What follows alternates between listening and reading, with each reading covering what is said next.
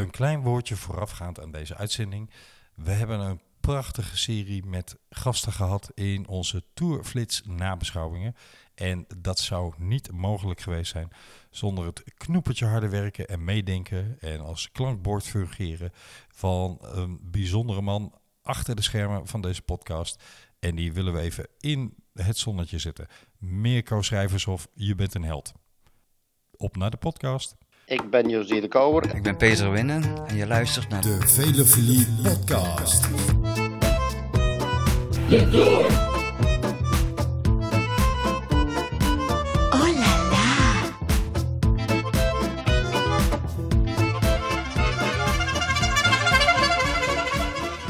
Vanuit Fantastisch. België, groeten José de Kouwer. Goedenavond, beste wielenvrienden en vriendinnen. Welkom bij weer een nieuwe Velofilie podcast Tourflits nabeschouwing.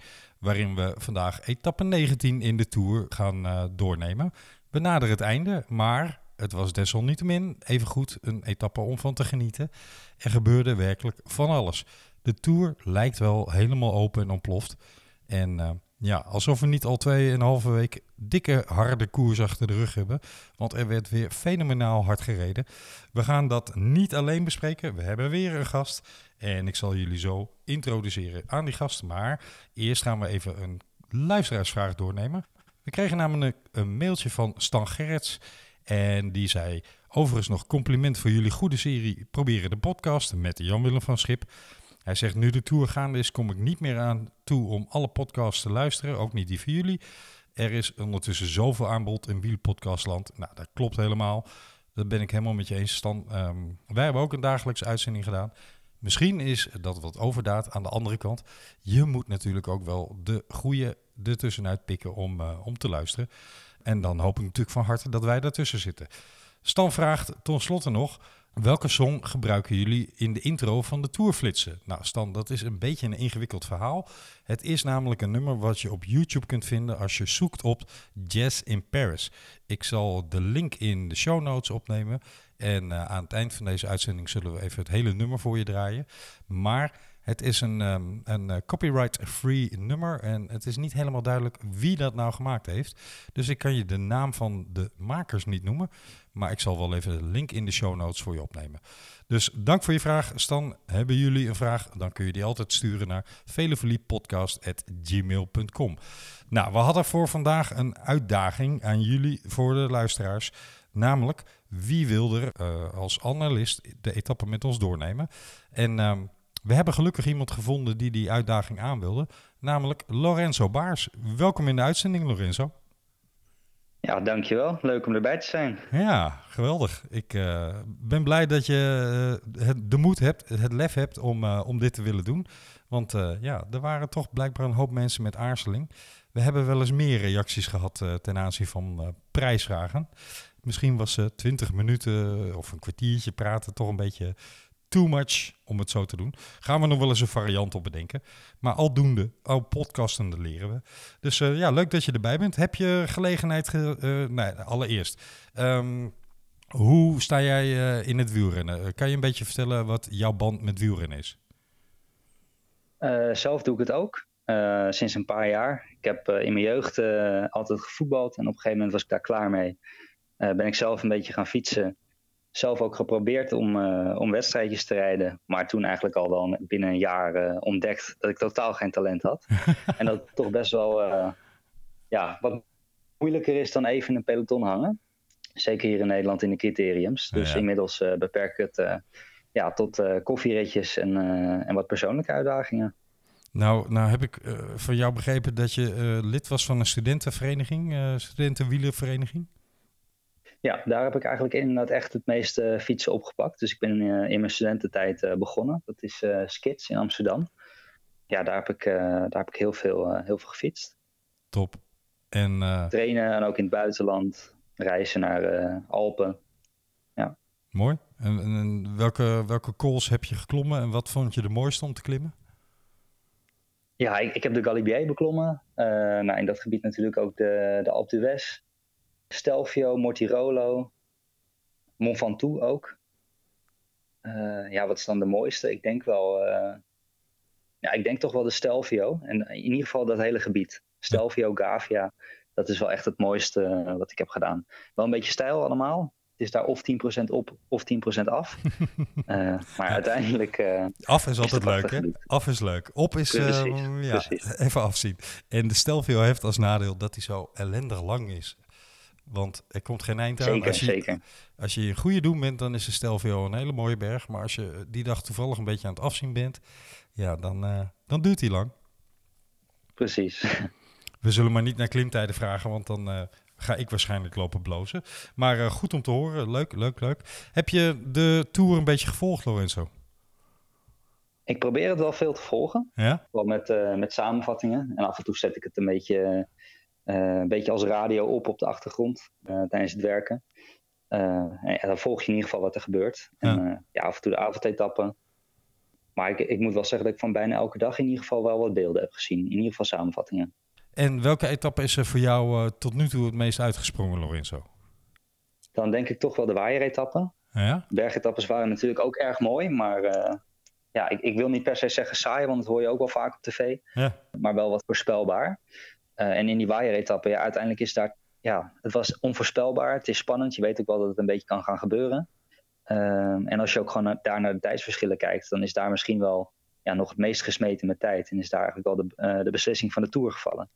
Dus wat dat betreft is dat voor mij wel eh, ja, het mooiste stukje van de Tour tot nu toe. Verrassende keus, grappig, leuk. Heb je genoten eergisteren van de bizarre nieuwe berg, hè? de eh, Col de la Loze? Ja, zeker. Die, die was ook eh, prachtig natuurlijk. Sowieso ook een, eh, ja, ook gewoon een hele mooie klim. Ik, zou hem ook wel eens zelf willen beklimmen. Ja, echt? Ehm, ja, nou ja, ja ik, ik hou op zich wel van de steile stukjes. Maar het, het is inderdaad volgens mij wel ontzettend afzien. Eh, maar wat ik vooral mooi vond om te zien in het laatste stuk is... als je gewoon kijkt naar Roglic en Pogacar. Ja, als het 20% is, dan denk je van... oh shit, hij komt toch wel eh, dichterbij. Ja, en dan op een gegeven moment is het weer even 0%. Of 1% of zo. En dan leek het gat toch wel groot. Dus Ja. dat, dat was wel mooi om te zien. Die, die, Ook gewoon men- het mentale spelletje dan. die 0% of 1%, dat, dat was dan eh 7 tot 10% zeg maar. Maar dan, eh, dan leek het inderdaad ineens veel minder stijl. Ja, precies. Wat in mij vooral van de, de Col de la heel erg bijgebleven is, is letterlijk, ik kon voelen, en dat heb jij misschien als fietser zelf ook, ik kon gewoon voelen wat voor spanning die mannen op hun benen moesten hebben. Ik heb het waarschijnlijk nooit zo extreem gehad als zij, want zo hard ben ik waarschijnlijk nooit op zulke steile stukken gegaan. Maar je kunt Nee. het wel indenken en invoelen. En eh, ja, dat, het, die waaieretappe was prachtig. Maar Col de la Loze was voor mij wel, ja, wat dat betreft, het hoogtepunt tot nu toe van de Tour. Ehm, maar daar komen we zo nog even op. Ik ben heel benieuwd wat eh, de zaterdag ons nog gaat brengen. De klimtijdrit op La Planche de Belleville. Maar laten we eerst even de etappe Ja. van vandaag doornemen. Doe jij toevallig aan, eh, aan een poeltje of iets mee? Ja, Scorito zit ik in, eh, ja, in twee groepjes. En, en wat, had je, Eh. wat had je gekozen voor vandaag? Had je op sprinters gemikt of op on, ontsnappers? Nou, dan ben ik wel blij dat je me dat vandaag vraagt. Want ik heb wel eens eh, slechtere keuzes gemaakt. Kijk, Maar ik had vandaag Mesgetch als kopman. Dus eh, dat is niet slecht. Nee. tweede. heb je goed gedaan. Ja, ja, ik hoopte toch op. eh, ik, ja, ik dacht wel van. Het wordt een soort combi tussen toch wel sprinters, maar ook een vlucht. En dat er wat sprinters in een vlucht zouden zitten. Ja. Nou, dat bleek ook het geval. En er komen toch wel de wat meer ja, sprinters met inhoud eh, naar voren, die ook een paar heuvels over kunnen. En ja, Mesgetch is er daar volgens mij wel eentje van. Klopt. Ja, dat bleek vandaag wel weer. Ja. Eh, Alleen ja, helaas er nog eentje voor, maar het was een mooie winnaar. Dus eh, Absoluut. Hè? Laten we even ehm, de wedstrijd op een kilometer of 30 van de meet pakken. Want op dat moment hebben we een kopgroep met, vond ik daarin, ondanks dat eh, het scenario wat jij net schetste wel kon gebeuren, toch verrassend dat daar Sam Bennett en eh, Peter Sagan bij elkaar zaten. Ja, niet dat ze bij elkaar zaten, maar wel dat ze in die kopgroep zaten. nou, in ieder geval dat Bennett erbij zat. Precies. Van Sagan had ik het nog wel verwacht, maar zeker. Ja. Heeft, eh, heeft die klasse gereden, kan niet anders zeggen. Want Ewan had de grootst mogelijke moeite om, eh, om aan te blijven haken vandaag. En Bennett had blijkbaar gewoon nog de power om, om voorin te kunnen meerouleren. Ja, verrast Ja, ik vind wat dat betreft ook wel een, ja, gewoon een mooie strijd geweest om het groen. Sagan heeft het wel echt geprobeerd. Maar eh, ja, gewoon nu voor het eerst in jaren heb je eigenlijk een, een nieuwe winnaar daar. Uh, ja, en ook echt op waarde geklopt. Dus dat is mooi om te zien. Ik moet wel zeggen dat heel erg twijfel aan of kan nog überhaupt ja, die, die sprintcapaciteit heeft. Die etappe waarin hij, uh, nou hij werd niet gedisqualificeerd, hij werd teruggezet in de uitslag met Wout van Aert. Daar had hij een hele goede sprint in. Maar voor de rest is hij er links en rechts eigenlijk niet aan te pas gekomen. En was het niet Trentin die van hem won, dan was het wel Morkov die hem afhield. Dus ja, echt, echt die power die hij uh, een jaar of drie, vier geleden had in die tussensprintjes, die heb ik hem dit jaar niet zien, uh, zien leveren. Ja, het lijkt wel inderdaad met het jaar iets minder te worden. Ja, misschien zien we wel de wisseling van de wacht uh, deze Tour. Ja, ja, ja, hij heeft toen natuurlijk ook al vijf keer gewonnen of zo, geloof ik, toch? Of zes keer zelfs. Dus, uh... ja, ja, je bedoelt dat hij minder ja, Het is ook wel een tijdperk geweest. Ja, absoluut. Ja, mm, ja dat wil ik niet zeggen, maar ja, misschien ook wel hoor. Maar ja, op een gegeven moment, uh, ik, ik, denk dat de leeftijd toch ook al begint, uh, begint te tellen. Ik weet niet precies hoe oud hij is, maar ik denk toch ook al een stukje in de dertig. Dat gaan we even opzoeken, maar volgens mij zit hij nog niet helemaal ver over de 30 hoor. Het is wat dat betreft geen andere Kruipel. Laten we eventjes um, vooruit gaan. Dan zoek ik ondertussen even de leeftijd op van, uh, van Sagan. Ik dacht dat hij 32 was uit mijn hoofd. Maar laten we even naar dat moment gaan um, in de etappe waarop Trentin er vandoor probeert te gaan. Um, ja, of dat een slimme actie was, weet ik niet. Van Avermaat had dat in mijn optiek beter kunnen proberen dan hij, maar oké. Okay. En dan valt het even stil in die kopgroep. En er gaat één iemand op een heel slim en heel uh, precies uitgekiend moment weg. En er zitten vervolgens, nou ja, wat, hoeveel man zaten er in die kopgroep? 20? Allemaal naar elkaar te kijken. Nou, minder, volgens mij 12 of zo. Ja, 15 waren ze geloof ik. Hè? Maar ze kijken allemaal naar elkaar en ze laten uh, Kra Andersen gewoon wegrijden. Terwijl, ja, we hebben eerder deze Tour gezien wat die man kan leveren. Mijn vraag aan jou, ja. is Kra Andersen nou zo slim of waren die anderen gewoon op dat moment uitgepierd? Nou, ik denk wel allebei, want ik heb uh, Krach Andersen ook in zijn interview bij, na de finish horen zeggen dat hij ook uh, volledig op de limiet zat daar. Ja. Uh, dus op die aanval van Trentin, ja, daar zat wel wat op, denk ik. Dan heb je natuurlijk dat Bennett, Bennett en Sagan, die zijn gewoon ja, met elkaar bezig. Trentin is op dat moment klaar. Ja, en, en dan is Krach Andersen weg en, en de rest kijkt denk ik naar, naar de sprinters. Want ja, die willen uiteindelijk dan wel bij elkaar blijven, denk ik. Uh, maar het, het is denk ik wel gewoon... Uiteindelijk is het beste moment om vlak na een aanval van een ander te gaan, inderdaad. Ja, alleen vraag ik me af waarom de Jasper Stuyvens en de um, Kerk van Avermaat en van deze, deze kopgroep op dat moment niet hebben gedacht: hé, hey, wacht even. En zelfs al reageerden ze iets te laat, wat nog kan gebeuren natuurlijk. Hè. Je kijkt eerst even van wie gaat het doen. Ja, dan nog ja. Moet, je, moet je achter zijn man aanrijden, lijkt me. Ja, dan neem je toch aan dat ze daar uh, op dat moment de kracht niet meer voor hadden. Ja. Dat mag ik toch hopen, want ja, anders weet je dat je erbij moet zijn. Zeker van Avermaat, die al weet ik veel uh, hoe vaak de slag heeft gemist deze Tour. Uh, dan was dit toch echt inderdaad de aller, allerlaatste kans.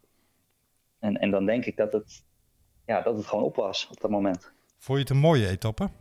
Zeker, zeker. Ja. Natuurlijk, kijk, de, de, andere etappes die zijn wat meer voorspelbaar geweest misschien. Ja, dat is zeker niet elke etappe, maar ja, dit voelde toch meer aan alsof je, alsof je naar een eendaagse zit te kijken. Echt een klassieker. Uh, het was zeker de laatste 50 kilometer was het gewoon echt, uh, echt strijd. Het er gebeurde gewoon de hele tijd wat. Dus, ja, absoluut. Precies. Overigens, uh, dus, dus zeker van genoten. Nou, top. Peter Sekan is overigens van 26 januari 1990, dus die is 30. Hebben we dat ook weer afgehandeld. Kijk, um, toch 30 plus. ja, net, net 30 plus, klopt. Ja, we hadden deze tour uh, toch wel een aantal heel interessante uh, strijdjes gaande. Die voor uh, het groen, nou, is nu wel voorbij. Maar um, we hebben, hoewel, is dat eigenlijk wel zo? Omdat we ja, dat mag je wel zeggen. Dat mag ik zeggen. Nou, ik weet niet hoeveel punten er uh, zondag uh, nog te winnen zijn. Maar daar, um, daar lijkt in ieder geval wel de strijd voorbij. Die om de bollen is nog steeds gaande. Want morgen hebben we de klimtijdrit. En uh, daar tellen de punten voor de snelste beklimming wel degelijk mee. En hoe meten ze dat dan? Het tweede meetpunt is precies aan de voet van La Planche. En dan wordt er gewoon simpelweg gekeken, uh, ja, wie is er van het tweede meepunt naar het eindpunt het snelst geweest. En je kunt dus verwachten dat zo iemand als Carapas zegt, misschien doe ik het wel rustig aan tot dat punt. Of rustiger aan, hè, want hij zal niet uh, heel rustig rijden, want dan is hij niet, uh, niet goed opgewarmd. Maar dan gaat hij all-out die klim op, om die punten maar te pakken. Want kan zomaar ook nog Pogacar of uh, Roglic worden. Ja, ja ik, ik denk eigenlijk wel gewoon, uh, gewoon Carapaz. Ik, ik denk namelijk echt, Carapaz natuurlijk niet de minste maar die heeft ook de Giro gewonnen. Ja. Uh, als hij gewoon in het eerste stuk relatief kan sparen, een beetje spanning op de benen zetten, ja, kan hij natuurlijk gewoon echt loeihard omhoog rijden. En ik denk wel, kijk, Roglic en, en Pogacar, die gaan, uh, dat zijn denk ik de enige twee anderen die, die de bolletuin nog kunnen winnen. Ja. Die gaan natuurlijk dat hele eerste stuk al voluit. En, en die zullen toch wel met aardig sturende benen daar naar boven moeten. Ja. Dat zal natuurlijk nog steeds heel hard gaan. Maar ik, ik ja, ik vermoed toch dat, dat Carapaz dat wel uh, met dat semi-rustige eerste stuk, moet hij dit toch gewoon kunnen pakken. Durf hij heeft ook uh, vandaag bijvoorbeeld, uh, of, of de afgelopen dagen misschien, afgelopen dagen is hij natuurlijk ook wel vol gegaan. Maar ja, vandaag heeft hij toch ook wel redelijk kunnen herstellen, denk ik. Ja, en bovendien, hij hoeft morgen maar, wat is het, 6, of 5,9 kilometer uh, voluit te gaan dan. Hè? Um, durf je een voorspelling aan? Precies. 1, 2 en 3 in de etappe morgen? Uh, ja, ik denk één wel gewoon Roglic. Ik denk dat hij hem ook gewoon wint. Ja. Is gewoon een goede tijdrijder, klimt hard, rijdt gewoon het hardste van iedereen. Ja, ik, ik weet niet precies wat Pogacar kan verwachten qua tijdrit. Ik weet wel dat hij Roglic heeft geklopt in, uh, in het Sloveens kampioenschap. Ja, een klimtijdrit hè? Ja. ja. Dus dan verwacht ik wel dat hij hoog eindigt. Wel top 10 zeker. Maar ik weet niet of, of, hij nou per se tweede wordt. Ik verwacht toch eigenlijk ook wel wat van, uh, van Dumoulin. Alleen denk ik wel dat, dat hij ten opzichte van Roglic gewoon net even wat tekort komt. Ja. Maar ja. ik, ik, hoop dan op een mooie tweede plek. Voor Dumoulin? Uh, Jumbo. Ja, oké. Okay. En, en, ja, uh... nou, dan hoop ik natuurlijk eigenlijk dat, dat Dumoulin wel gewoon wint. En Roglic tweede. en, en dus de gele trui pakken. Ja, dat zou helemaal prachtig zijn. Hè? Tom heeft op de rustdag ehm, ja, op zijn tijdritfiets getraind om, om dat gevoel weer een beetje te hebben. Want daar had hij al een tijdje niet op gezeten. Dus die is er echt wel serieus mee bezig met die voorbereiding naar de zaterdag naar morgen toe. We zullen het zien. Eindpodium ga ik niet aan je vragen. Wel ga ik vragen, wat vind jij van de discussie? Is het nou een saaie tour geweest, ja of nee? Als ik je ook nog voorleg dat we in jaren niet zoveel verschillende etappenwinnaars hebben gehad. Namelijk op dit moment 15 verschillende winnaars. En dat is echt al in jaren niet zo hoog geweest. Is het dan een saaie tour geweest? Of is het een hele verrassende, leuke, spannende, uh, maar op andere vlakken dan het algemeen klassement spelende tour geweest? Nou, ik vind het absoluut geen saaie tour geweest eigenlijk. Natuurlijk, uiteindelijk is elke tour op bepaalde momenten wel misschien wat saai of voorspelbaar. In de zin van dat je van tevoren kan weten wie er wint. Of, of dat je een keer een wandeletappe hebt. Maar ja, wat er eigenlijk veel op tv wordt gezegd is, is dat Jumbo-Visma een tijdrit rijdt. Ja, daar ben ik het eigenlijk niet helemaal mee eens. Ja, ze rijden wel inderdaad gewoon loeihard omhoog. Maar dan ook echt loeihard, Ja, ik, ik, vind dat eigenlijk niet per se... Ja, ik vind dat niet per se verdedigen. Eigenlijk, eigenlijk ben je dan gewoon aan het aanvallen. En ja, dat, dat er op een gegeven moment vier Jumbo-Visma's rijden met, met nog drie anderen eraan. Ja, dan heb je eigenlijk gewoon aangevallen en iedereen kapot gereden. Ja, Ja. ik, ik, vind dat wel, ik vind dat wel mooi eigenlijk. Het is echt nog een groter machtsvertoon als, eh, als Sky de afgelopen jaren. Dus, en je zit daar wel gewoon met, met spanning naar te kijken. En eh, ja, de een naar de ander gaat er vanaf. Er, er gebeurt wel wat. Dus ik, ik vind dat niet per se saai. Nee. Alejandro Valverde had daar een klacht over. Hè? Die zegt eh, in de jaren hiervoor reden ze ook hard, maar niet zo hard dat er niet meer om etappenwinst gestreden kon worden. En Maarten Ducro bijvoorbeeld in zijn krotcast, die zegt ja, uh, er wordt hard gefietst, er wordt heel hard gefietst, maar koers is iets anders dan alleen maar hard fietsen. En ja, dat is, dat is vanuit het verleden natuurlijk altijd wel in, in, in de Tour aan de hand geweest. Hè. Er was altijd uh, strijd met aanvallen en soms met mensen die twee calls voor de laatste call er al vandoor probeerde en durfde te gaan. Ja, dat heeft zich tot nu toe geëvolueerd in, in wat we deze Tour hebben gezien. Namelijk verschroeiend hard op kop rijden. Maar ik wil wel zeggen dat ik er absoluut van genoten heb. Zou het, als het niet Jumbo was geweest, net zo zijn geweest? Durf ik te betwijfelen. Hè? Als dit Sky was geweest, dan had ik waarschijnlijk gedacht... Hmm, oké, dus daar zit zeker wel iets van nationalisme in. Maar als je gewoon ook de individuele... Ja, dat speelt al, uiteraard mee, denk ik. Maar als je ook de individuele prestaties ziet van bijvoorbeeld een Wout van Aert, van een Hirschi, van een Kemna, um, de etappe die Martinez won. Ja, en zeker, ja, zeker Kra Andersen, gewoon... die twee aanvallen. En ook in die etappes is er snoei en snoei en snoei hard gereden. Dus het is, het is ook anders dan, dan voorheen. En bovendien, op Roglic na hebben we... Uh, volgens mij is namelijk Roglic de enige winnaar die ouder is dan 26 deze Tour. En voor de rest zijn alle etappenwinnaars jonkies. Dus het is eigenlijk gewoon, wat dat betreft, een soort breakthrough Tour de France met ja, het nieuwe fietsen, zien we hier gewoon. Ja, dat is ook wel bijzonder wat je zegt inderdaad. Die, uh, al, al, die jonge winnaars. Voorheen uh, had dat nooit gekend volgens mij. Volgens mij dat je 26 is in de witte tijd, toch? Ja, nee, 25. 25. 25? Ja. Ik, ik, ik vind dat wel mooi om te zien. Ik ben ook wel benieuwd wat, wat het in de toekomst nou gaat opleveren. Of je dan een soort generatie krijgt dat, dat alleen Pogacar en Bernal gaan winnen. Of dat dit gewoon zo doorgaat dat de volgende generatie ook weer zo goed is op zijn 21ste. Ja, er staan absoluut een aantal hele grote talenten uh, aan te komen weer. Um, waaronder Sunweb er één van heeft aangetrokken. Dus ja, dat niveau wordt steeds hoger en hoger uh, naarmate hè, bij de, wat ze in, in België de uh, juniors noemen.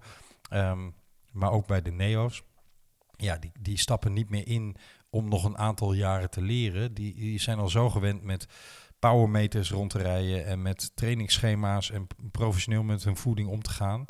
Dat uh, ja, die stappen eigenlijk als volwaardig prof dat peloton in. In plaats van dat ze nog een leerschool van een aantal jaren door moeten maken. Even generaliserend, hè? geldt niet voor iedereen. Maar we zien dat wel steeds meer gebeuren. Ik vind het wel fascinerend. Tot slot, heb jij um, zin in de rest van het seizoen? Er komt nu nog een behoorlijk pak aan koers aan. Hè. We krijgen nog de Vuelta en de Giro. We krijgen nog alle voorjaars, nu in het najaar klassiekers. En ja, het is uh, bommetje vol tot en met uh, eind november. Ja, zeker zin in. Ja, natuurlijk nog twee grote rondes. Volgens mij zelfs bijna ja, gedeeltelijk tegelijk. Ja? Uh, al die klassiekers. Het is wel natuurlijk een beetje kijken van qua deelnemersveld. Omdat, omdat ja, er moeten wel keuzes gemaakt worden. En waar ik wel een beetje mijn hart voor vasthoud is, ik ken het parcours nog niet helemaal van de Giro. Maar ja, zijn de Alpen daar dan en, en gewoon de bergen, zijn die nog een beetje begaanbaar? Dat, dat vraag ik me wel af. Ja, ik ook. Uh, in verband met ja, sneeuw Misschien ligt er alweer een pak sneeuw, hè? Ja, precies. Ja, ja precies. Vuelta in uh, november, nou heb je daar natuurlijk wel wat minder sneeuw, maar toch, ik ben benieuwd. Maar ik heb er in ieder geval zin in, ja. Het schijnt overigens wel dat um, eigenlijk het klimaat in Italië in, in zeg maar oktober nog wel beter geschikt is dan dat het dat eigenlijk is in het voorjaar, wanneer de Giro echt op de kalender staat omdat daar nog wel okay. meer extreme uitschieters willen gebeuren. Nou, dat hebben we de afgelopen jaren natuurlijk ook regelmatig gezien. Maar je zult zien, de weergoden laten niet met zich spotten, dat we dit jaar gewoon een enorm dik pak sneeuw uh, voorbij zien komen. Wat al jaren niet gebeurd is of zoiets. Het zou me niet verbazen. Nou, um, wil, jij, wil jij tot slot, Lorenzo, nog iemand de groeten doen of uh, iets kwijt? Dan kan dat nu. Pak je shine, pak je, je spotlight. Oeh, de groeten doen. Het mag ook aan ja, een coureur ik denk zijn. Gewoon dat het een mooie afsluiter wordt. Uh, mag ook aan een coureur zijn. Dan, of laat ik, het, laat ik het anders vragen. Ja, Roglic. Ja, Roglic.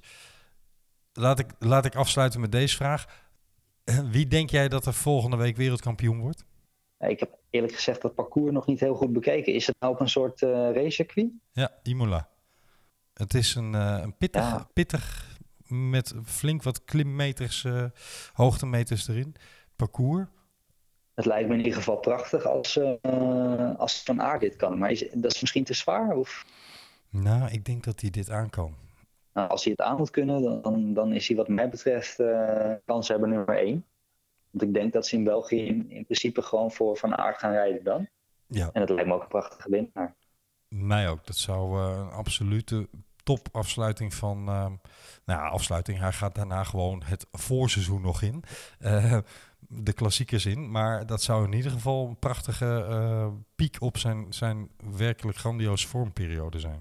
Want wat een beest is dat in deze tour geweest, hè? Ongelooflijk. Als ik dan toch nog de groeten mag doen aan iemand, dan Ja. moet ik het eigenlijk aan Van der Poel doen. Want ik vind dan toch dat hij eigenlijk gewoon het WK moet gaan rijden. Of het nou te zwaar is of niet, toch gewoon proberen. Hij uh, gaat op hoogtestage volgens mij. Hè? Dus uh, hij heeft het even anders ingericht. Want zijn hele, hele doel is gericht op Parijs-Roubaix. Ja. En, en, als hij die wint, dan uh, geef ik hem alleen maar gelijk. Dan is het hem vergeten. Precies. Nou, dankjewel Lorenzo uh, voor jouw uh, deelname. Uh, we zijn er blij mee. Het was leuk om, om met je over de koers te spreken. Blijf zo voortdoen. Um, blijf lekker naar koers kijken. Tot de luisteraars richt ik mij met de mededeling, dat hebben jullie al eerder gehoord, dat wij sinds kort ook op het leukste platform voor podcasten in Nederland staan, namelijk www.vriendvandeshow.nl. Je kunt daar de groetjes doen. Dat is weliswaar een andere show, uh, maar je kunt ons wel de groeten doen. En je kunt daar een high five geven als je een uitzending leuk vond of kritiek plaatsen, mag ook. Um, doe het voorzichtig, want uh, we kunnen niet zo goed tegen kritiek. Nee, grapje. Um, alle opbouwende kritiek is uiteraard welkom. Maar je kunt daar ook, als je dat zou willen, een donatie voor onze show doen.